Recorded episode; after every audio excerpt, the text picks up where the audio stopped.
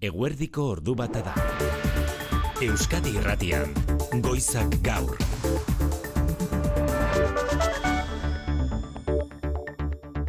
Arratsalde on deizuela guztioi Donostiako metroaren lanetan mugarritzat jo dute gaurko eguna jaularitzak eta udalak. Donostia erdigunean arrasate eta easo kaleak lurrazpitik elkartzeko tunalena tunelaren amaieran, gaur argia ikusi da lanen amaiera erakustera deitu dituzte komunikabideak, eunda irurogeita zazpi milioi euroko inbertsioa orain arte. Jaularitzak Donostia irian sekula egin duen inbertsiorik haundiena nabarmendu du goi alkateak eta gipuzko asoarentzat mugikortasunari begira mesede.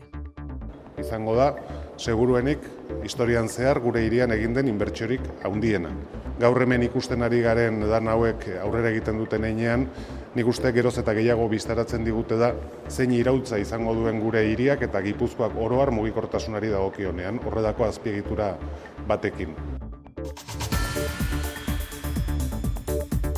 Eguneko beste lerroburuetan inigo alusti zarratxaldeo. Baita zuri ere maite. Londresko auzitegi nagusira begira gaude Julian Assange Wikileakseko sortzailearen estraizioari buruzko auzi saioak gaur baitu azken egun. Kanpo aldean gaur ere kalagun elkartu dira. We want to defend press freedom Prentsa askatasunaren defentsan eta Assange aske uz dezatela eskatzeko auzitegiak elegiteari atea etxiezkero, hogeita zortzi eguneko epean utzi dezake justizia Britainiarrak estatu batuen eskuetan, eunda irurogeita mabost urte arteko espetxe zigorra jasolezake Assangek, emezortzi espioitza delitu tarteko. Migrainari aurre egiteko farmazietara iritsi berri den botikaren inguruan galdetu dugu eta adituek zur hitz egin digute. Euskal gizartearen euneko amar pasak jasaten du migraina, baina bidura izeneko botika berria kasu jakin batzuetarako baino ez dela azaldu digu Juan del Bal Bizkaiko farmazia elkargoko zuzendari teknikoak. Ez, ez da lehenengo tratamendua migrainarako, ez ba dagoz eh, tratamendu espezifikoa migrainarako. Hm? Hau suposatzen du ba, beste beste abagune bat, ez da beste alternatiba bat. Herritar jakin batzuentzako da bidura botika hilean zortzi migraina baino gehiago jasaten dituztenentzako. Osasunarekin lotuta, gotzonez agardui osasun zailburuak jakinarazi du, martxan dela dagoeneko donostian buruko gaitz larria duten aurretan erabeak hartatzeko eguneko ospitalea. Eta martxoan bertan zabalduko dituztela gazteizen eta galdakaon elikadura portaera nahasmendu aztertzeko unitate espezifiko berriak. Aktualitate politikoan bestela, Sumar Euskadi mugimenduak atea itxi dio legebiltzarrerako hauteskundetara Podemosekin batera aurkezteko aukerari Lander Martinez diputatua Euskal Telebistan. Ez da hau bukatutzat eh, ematen dugu. E, atzo argi geratu zen, e, Podemos beste bide bat aukeratu egin zuela duela asko, eta ez dagoela aukerarik Ondorioz, Sumar Ezkerranitza eta Eku aurkeztuko dira elkarrekin, Martinezen esanetan Podemosen jarrerak elkarren arteko konfiantza zapuztu duelako, Podemosetik miren gorrotxategi lehen dakari gaiak erantzun berri du, Sumar izan dela batasun deiari entzungo regin diona. Pena da, Sumarrek bukatutzat eman izatea prozesua batasunera iristeko gure espazio politikoan. Ez diote entzun nahi izan, iritarrei, Euskadiko Ezkerreko iritarrei, ez antolatu direnei, guri batasuna eskatzeko, e, eraz, e, bueno, horrela bukatzen da Ba horrela bukatu dute, Bizkaiko golkoan zezabor dagoen eta nondik nora mugitzen den jakiteko, mila gailu baino gehiago jarriko dituzte martxan datorren urtean, Azti, teknologia zentroak eta Eleknor Deimos enpresa aeroespazialak. Ulises izena jarri diote proiektuari eta helburua izango da Bizkaiko golkoan dagoen itxas zaborra, euneko laurogeita marringuru plastikoa dena, nondik sortzen den eta korrontek nondik nora eramaten dituzten jakitea. Ezagutzen estenari, nekez zebango baitzaio konponbidea arantxa tapia jaurlaritzako ingurumen helburuaren esanetan.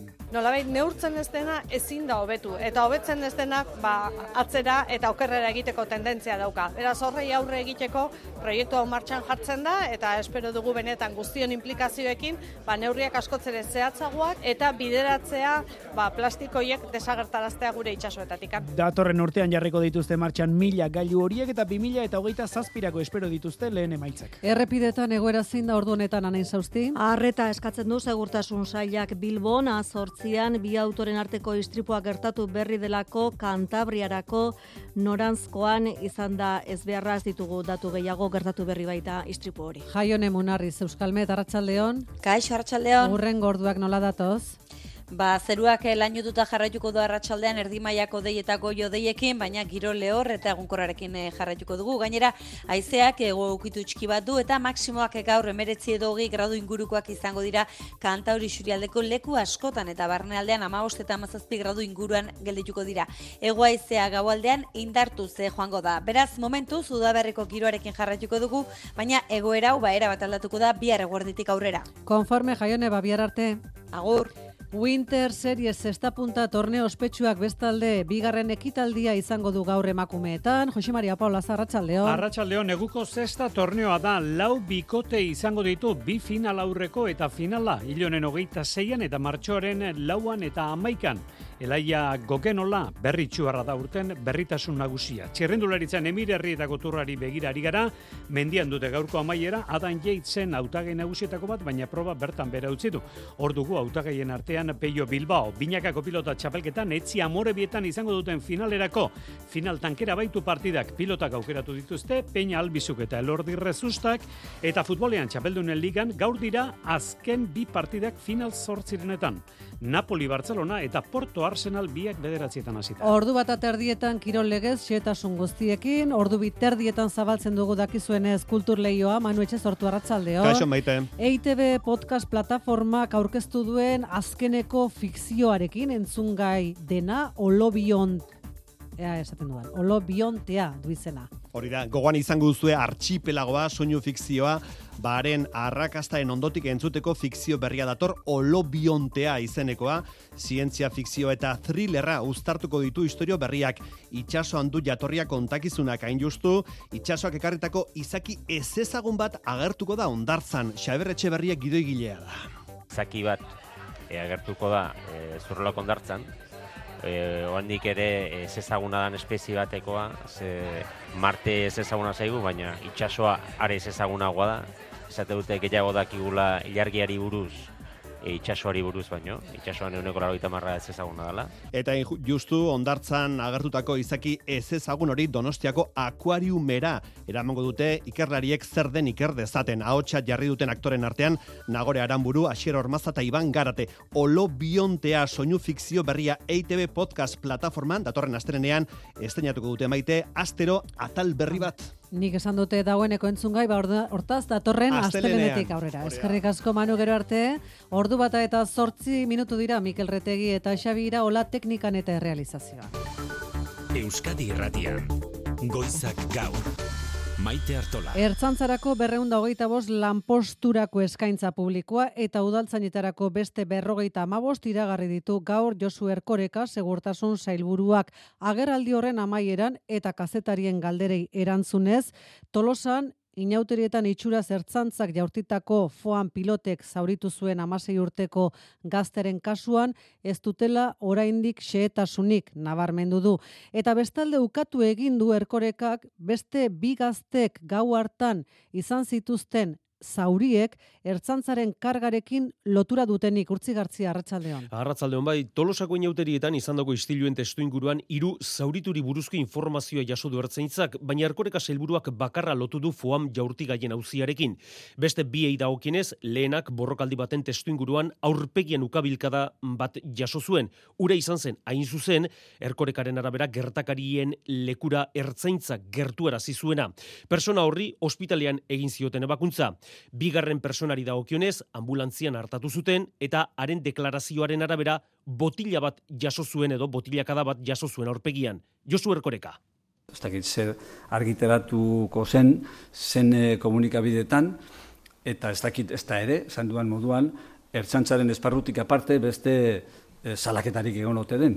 Ustez, foan bala batek begian zauri larriak eragin zizkion amasei urteko gaztearen kasuari lotutako barne ikerketak bestalde, aurrera jarraitzen du. Barne ikerketa aurrera doa, gaur bertan ere, ba, barne ikerketa horretan sakontuko duten ba, diligentzia batzuk egiten ari dira, ikerketa puntualak egiten ari dira, Ertzaintzarako berreunda hogeita bost lanposturako eta udaltzainetarako beste berrogeita mabosterako eskaintza publiko iragartzeko prensaurrean egin ditu adirazpenok Josu Erkoreka helburuak datorren ostiraletik aurrera aurkeztu izango dira eskaerak legaldi honetan egin diren lau eskaintza publikoetako datuak eskuan Arkautiko Akademian sartu diren personen euneko hogeita mazazpi emakumeak dira maite. Nafarroko trafiko eskumena bestalde gaur kontrol saioan izpide. Eta EH Bilduren galderari erantzunez edo exigentziari erantzunez Pedro Sánchez gobernuko presidenteak argitu du Espainiako auzitegi gorenaren ebazpenaren ondotik Guardia Zibilaren esku geratzen den eskumena foru zaingoaren esku nola igaro bideak bilatuko dituztela. Nafarroko gobernuarekin elkarlanean. Que el fallo no descarsa el traspaso. Estamos estudiando cómo proceder al traspaso y lo vamos a hacer pues dialogando. EH Bildu pozik hartu du Sánchezen erantzuna Mertxe Izpurua diputatuaren hitzetan Nafarroako autogobernuaren kontrako eraso larri baten aurrean emandako erantzuna. Auzitegi gorenak trafiko eskumenaren aurka hartutako erabakia Nafarroako autogobernuaren burujabetzaren eta borondate demokratikoaren aurkako eraso onartezina dela salatu dugu gaur, beraz, aurrera pausa da eta posten gaitu Pedro Sánchezek gaur konpromiso argi hartzea trafiko eskumenaren transferentzia alik eta azkarren gauzatzeko. Nafarroko gobernuak berriz azalpenak nahi ditu, azalpenak eskatu dizkio gorenari, argitu dezan trafiko eskumena bertan bera utzi duen ebazpen horrek, eragiten otedien Nafarroak dagoeneko arlo administratiboan bere gain hartuta zituen funtzioei helieraso iruña arratsaldeon. Arratsaldeon ba besteak beste autoeskolen antolaketa, bide segurtasuna, prebentzio kanpainen kudeaketa, orotara zazpi funtzio garatzen hasia zen Nafarroko gobernua uztailaren batean eta jakin nahi du ea lan administratibo horiek ere kendu dizkio nauzitegi gorenaren epaiak, ala soilik Guardia Zibilak bere gain hartuak dituen zereginei, alegia bide zaintza. La aclaración lo que pide es que se determine si estamos hablando de la anulación de esa función de vigilancia y control o si va mucho más Amparo allá. López foru gobernuko eledunak esan du azalpen eskarekin batera berretsi du ba Nafarroko gobernuak lanean jarraitzen duela aztertzen foru hobekuntzaren erreforma edo lege onarki, organikoa onartzea zein den biderik egokiena berriz ere trafiko eskumena bereganatzeko. Ordu bata eta amabi dira, Mirakontxa eta Easo kalea lurrazpian berrogei metrora lotuta geratu dira gaur goizean, Donostiako metroren lanetan konplexutasun tekniko eta geologiko handiena suposatu duen lana amaituta, lurrazpiko lanak beste fase batean sartu dira. Eunda irurogeita zazpi milioi euroko inbersioa, orain arte gastatu dena topoaren saiesbidean, eneko goia donostiako alkateren hitzetan, jaurlaritzak donostia irian inoiz egindako inbersiorik handiena eta horregatik eskertuta inoa mendiburu lankidea izan da ondeak eta lanak ikusten arratsaldean ainoa. Arratsaldeon lurrazpira berrogei metro jetxita, kontxako ondartzazpitik, Londres hotela dagoen parera iritsita, easo kaletik ondea makina lanean topatu dugu.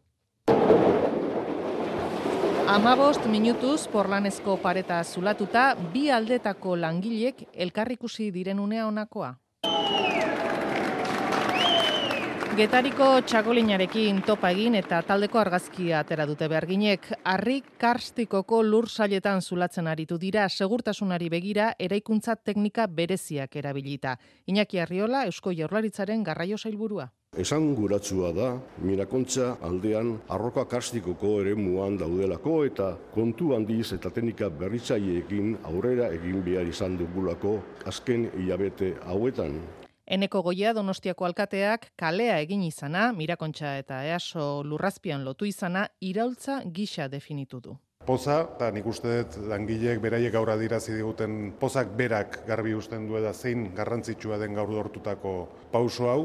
Lan honetan, ba, benetan jauzi ikaragarria ematea dortzen duena, bitunedak bilatzea, eta hemendik aurrera, ba, esan dezakegu lan honen azken fasean sartzen gare da. Tunelaren zulaketaz gain, lurrazpian kokatuko den easoko geltoki berria ikusi dugu, lanak oso aurreratuta bertan. 2000 eta hogeita bost amaieran, 2000 eta hogeita hasieran, topoak martxan izatea espero da, kontxa azpitik bidaiatzeko aukera izango dugu bitxikeria bat, itxas gorarekin gu gaur egongaren puntu hori urrazpian geratuko da.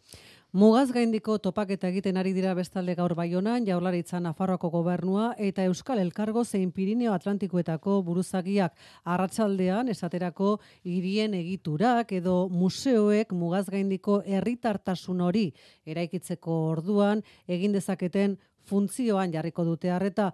Goizean berriz, kezka bat partekatu dute hiru aldeetako erakundeek, erantzuna eman behartzaiolakoan, Europar erakundeekiko atxikimentu eskasa somatzen zaie Euskal Gazte Andoni Lizea Garratsaldeon.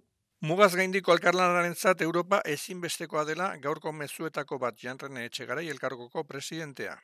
Batir une Europe issue des valeurs de fraternité et de solidarité. Elkartasunaren eta naitasunaren Europa eregi behar dugu naizetan maiz kolokan izan azken aldian. Gerrari aurre egiten diona pertsonen eta merkatalgaien zirkulazio librearen Europa.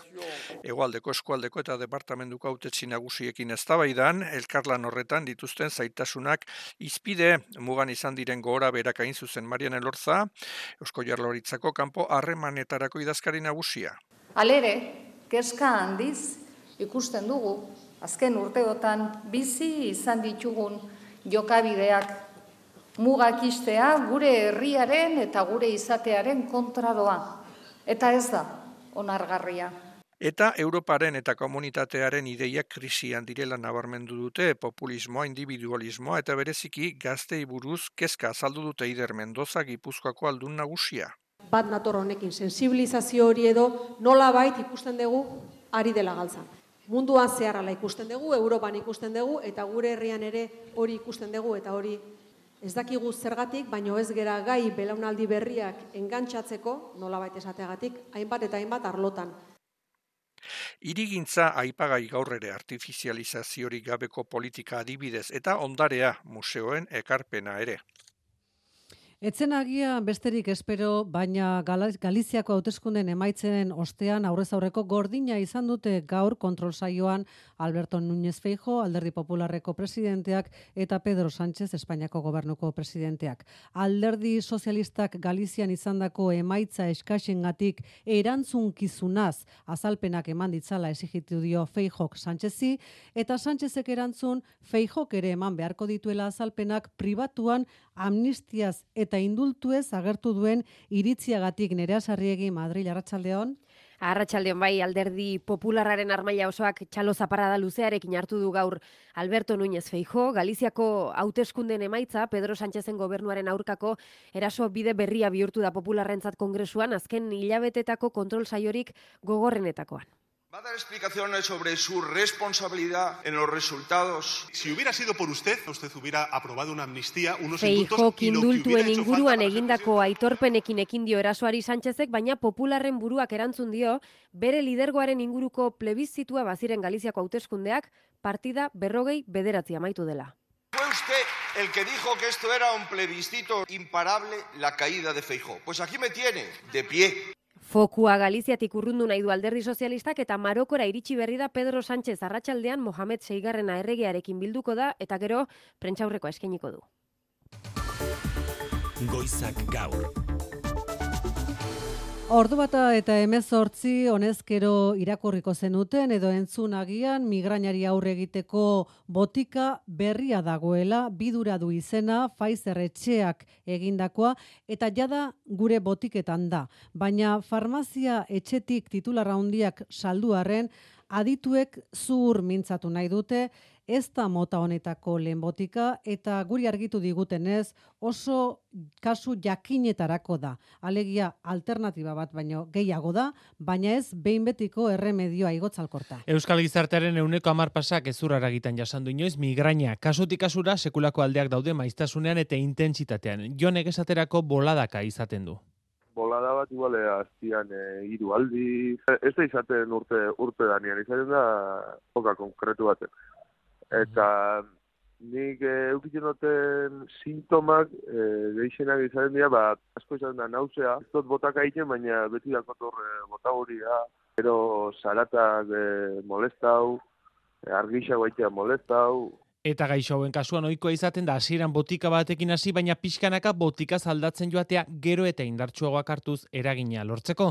Testu inguru honetan dator botika berria bidura, baina beste bat da. Ez da lehenengoa, botika ezberdin asko baitaude gaur egun migraina dutenentzat. Juan del Bal, Bizkaiko Farmazia Elkargoko zuzendari teknikoa da. Mekanismo barri bat suposatzen du, ezta? Eta hori beti da interesgarria ze zabaltzen du posibilitate bat beste era batera tratatzeko e, migraina. Momentu honetan e, indikazioak dira alde batetik migraina akutuarentzat eta e, baita ere preventibo moduan, ezta?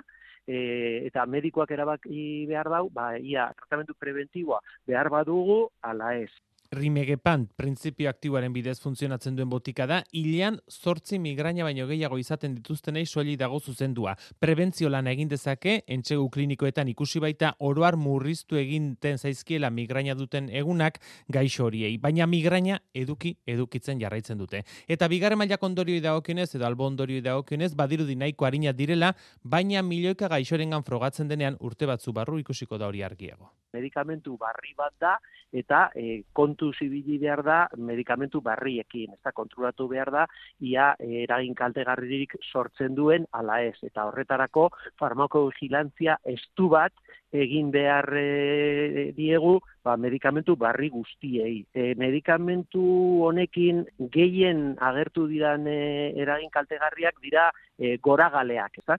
Eta bueno, e, kasu gutxitan, kasu gutxitan gertatu da, ba, badirudi medikamentu ziurra izango dala, ezta? Beraz, migrainaren aurkako borrokan lanabez bat gehiago da, ongi etorria, baina ez besterik, eta garestia da, hogeita bederatzi euroan pilula. Euskal Autonomia Erkidegoko herritarren kontsumo joeren inguruko hainbat datu ezagutu ditugu goizak gaur, inflazioak jarraitzen duela izaten kezka nagusi, prezioen igoerak baldintzatzen dituela konsumitzaile askoren erabakiak, hala ere adinaren arabera kontsumo ohiturak ere aldatu egiten dira, merkataritzaren behatokiaren azken txostenaren arabera, gazteek produktuak aldatzea, finantziazioa eta jasangarritasuna lehenesten duten einean, helduagoek gertutasuna eta harreta baloratzen dituzte Marijo Deograziaz. Mesfidantza giro batean segitzen dugu, kontsumitzaileen konfiantza adierazleak eunetik bera, eta herritarren amarretik ia lauk inflazioagatik eta prezioen gorakadagatik kezkatuta. Ez alferrik amarretik iruk hipoteka maileguren badauka, eta horien euneko berrogeita bate dio, interes tipuen igoerak etxeko ekonomian eragingo diola. Horren adibide, kotxe erosi asmo zutenen euneko hogeita bostek erosketa atzeratu egin duela. Eta kontsumo ohiturez gabiltzan amaite elikagai freskoak merka, supermerkatuetan erosten ditu amarretik zazpik. Arategi, arraindegi edo okindegira jotzen du ia euneko berrogeta amairuk. Belaunaldien arabera, balioan jartzen dena ere aldatzen da Javier Hurtado kontsumo zailburua con nuevos valores, con los más jóvenes, preocupados con valores medioambientales y de sostenibilidad, y también las generaciones más mayores, preocupados por la atención y por la cercanía. Online erosi du noizbait herritarren ia erdiak, amarretik sortzi hogeita mar urte zazpikoa da, eta hogeita mar eta hogeita emeretzi urte artekoa amarretik zazpik. Gainera, hiru erosletik batek online erosten du hilero. Hala ere, tokiko merkataritza oso ondo baloratzen du kontsumitzaileen gehiengoak. Gertuko saltokietan edo fir, ba, frankizietatik kanpoko merkataritza independentean egiten den kontsumoa handiagoa da. Kontsumitzaileen euneko berro eta amairu bostek jotzen du tokiko saltoki horietara. Datorren urte hasieran mila gailu elektroniko askatuko dira bizkaiko golkoan, uretan ze itxas zabor dagoen eta nundik nora mugitzen den hobeto jakiteko. Azti eta Eleknor Deimos enpresa aeroespazialak jaularitzarekin elkarlanean jarritako Ulises proiektuaren helburua da hori ikertzea. Arazoaren sorrera aurkitu ezkero konponbidea errezagoa irits daitekeelakoan iratibarren arratsaldeon. Arratsaldeon bai jakina delako Euskal Herriko ibai eta itsasoetan hondakinak egun badaudela, baina lehen aldia izango da hondakin horiek nondik datozen, ze korrenterekin mugitzen diren eta orotara zenbat tona itsas zabor kalkulatuko dena entzunaren txatapia ingurumen sailburua datu bilketa jakitea zenbat plastiko daukagun itsasoan, zenbat juten dane baietatikan, eta horren arabera, kontaketa horren arabera, ekimenak martxan jartzea. Neurtzen ez dena ezin da hobetu, eta hobetzen ez denak ba, atzera eta okerrera egiteko tendentzia dauka. Ikerketa zientifiko horretarako teknologia erabiliko dute, zehazki bost motatako mila gaiu oian ekabezaz aztiko ikerlaria. Zaborraren nondik norakori aztertzeko, nun pilatzen diren eta ze joera dakan aztertzeko, bos gailu erabiliko dire, rangerra oso sensorizatua izango den e, gailu bat, bos metrotakoa izango dena, bos beste gailu batzuk dire travelerrak eta travelerrak GPS bat izango dute eta momenturo beraien posizioa jakin izango dugu. Orain gailuen prestatze lanetan ari dira buru belarri eta datorren urte hasieran askatuko dituzte Bizkaiko golkoan emaitzak eskuartean 2027 zazpirako izatea espero dute. Ordu bata eta ia hogeita bost minutu dira, Londresko hauzitegi nagusian azken txampan sartu da Julian Assange Wikileakseko sortzailaren estradizioari buruzko hauzi saioa. Abokatuen eskaria atzera botatzen badute, aste gutxiren buruan gauzatu liteke estatu batuetara estradizioa. Eta han, eunda irurogeita amabost urte arteko espetxe zigorra jaso dezake asansek. Hauzitegi kanpokaldean gaur ere, eunka herritar prensa askatasunaren defentsan mertzetxe berri. Euripean eunka lagun batzartu dira bai hauzitegi aurrean, Julian Assange aske utze dezatela eskatzeko. Free Julian Assange! Prensa askatasuna arriskuan dagoela adierazi du bertan bildutakoen aurrean Tim Dawson nazioarteko kazetarien federazioko ordezkariak. Eta estradizio itun aurratuko lukela Assangeren estradizioak arrazoi politikoak medio epaitu nahi dutelako estatu batuetan. Julian Assange bera gaur ere ez da uzi saiora gerturatu, ez dagoela horretarako moduan jakinarazi du estela emazteak. Emaztearentzat imagina ezina da erresuma batuak ura hiltzeko plana taxutu zuen herrialdera estraditatzea bere senarra. Estatu batuetara alegia. Hori da Sancheren abokatuek azaldu duten arrazoietako bat, apelazioa eskatzeko estatu batuetan ez lukela bermerik izangoaren aurkako epaiketak. Gaurko auzi saioan estatu batuen argudioak azaltzen ari da fiskaltza, estradizioaren arrazoia ez dela estatu batuen giza eskubide urraketak publiko egin izana Assangeek, baizik eta hango sistema informatikoan legez kanpo sartu eta espioitza legeak urratu izana. Gaurko bista amaitutakoan erabakiko dute epaileek gaur bertan emangote duten ebazpena ala atzeratu egingo ote duten. Gazako gerran soldaduen jokabide onarte zinak onartu ditu Israelgo armadak bere soldaduenak barne txosten batean. Gehiegizko indarkeria, lapurretak, ondasunak suntxitzea, besteak beste agiriak jasotzen dituenak.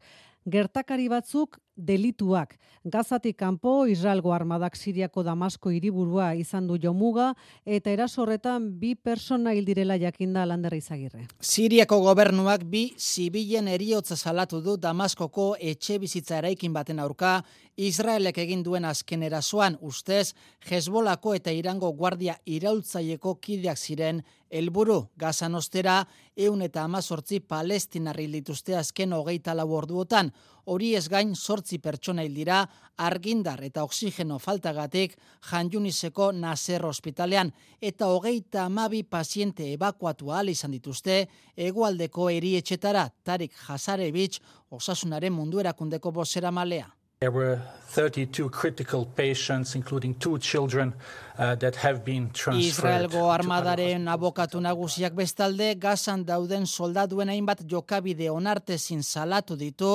komandantei bidalitako barne gutun batean. Bertan, neurrigabeko indarkeria kasuak jasotzen dira tartean atxilo hartutako pertsonen aurka eta baita etxe bizitza pribatuetan egindako lapurretak edo inolako justifikazio gabeko ondasun zibilen zuntxiketak. Jertzi Gelebi armadako buruak gizaki bezala jokatzeko eskatu die komunikatu batean soldaduei eta besteak beste mendeku bideorik ez grabatzeko.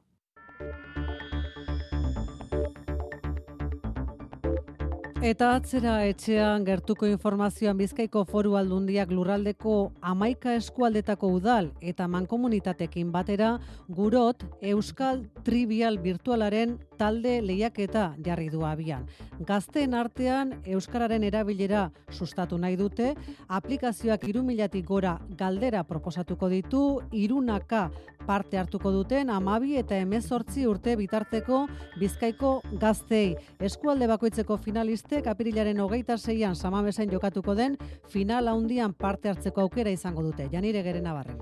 Bai, 2000 eta emeretzian txori herriko mankomunitateak abiatutako guro Euskal Trivial Virtual intelektualak jausia egin nahi du orain eta bizkaiko amaika eskualdetara edatuko da gazteen artean Euskararen erabilera sustatzeko alaitzarkoreka mungiako alkatean. Gaur egun ba, sano gatsa da gazten gana heltzea. Eta euron konsumo oitureri aditzuten badutzeue, eskaintza eta produktorik eh, gehienak gaztelaniaz eta ingelesez baino ez dugu ze topeko. Hortxe daukagu benetako erronka. Euren aizialdian eragin behar dugu. Kode Syntax enpresa goitik behera eraberritatu, eraberritutako aplikazioak gizarte, kultura, kirol edo eta zientziarloko galdera sorta proposatuko die gazteei hiru erantzun posible eskainiz, hauek hiruko taldeak osatuta hartuko dute parte lehiaketan. Erantzun gehien asmatzen dutenek, apirilaren hogeita zeian, San Mamesen jokatuko den final handian parte hartu eta hainbat zari eskuratzeko aukera izango dute besteak beste, asteburu pasak Nafarroan, Madrilen edo eta biarritzen lehiaketan izen emateko epea, datorren astelenean otzailaren hogeita zeian zabalduko da. Eskerrik asko janire ordu bat aterdiak jo berriak.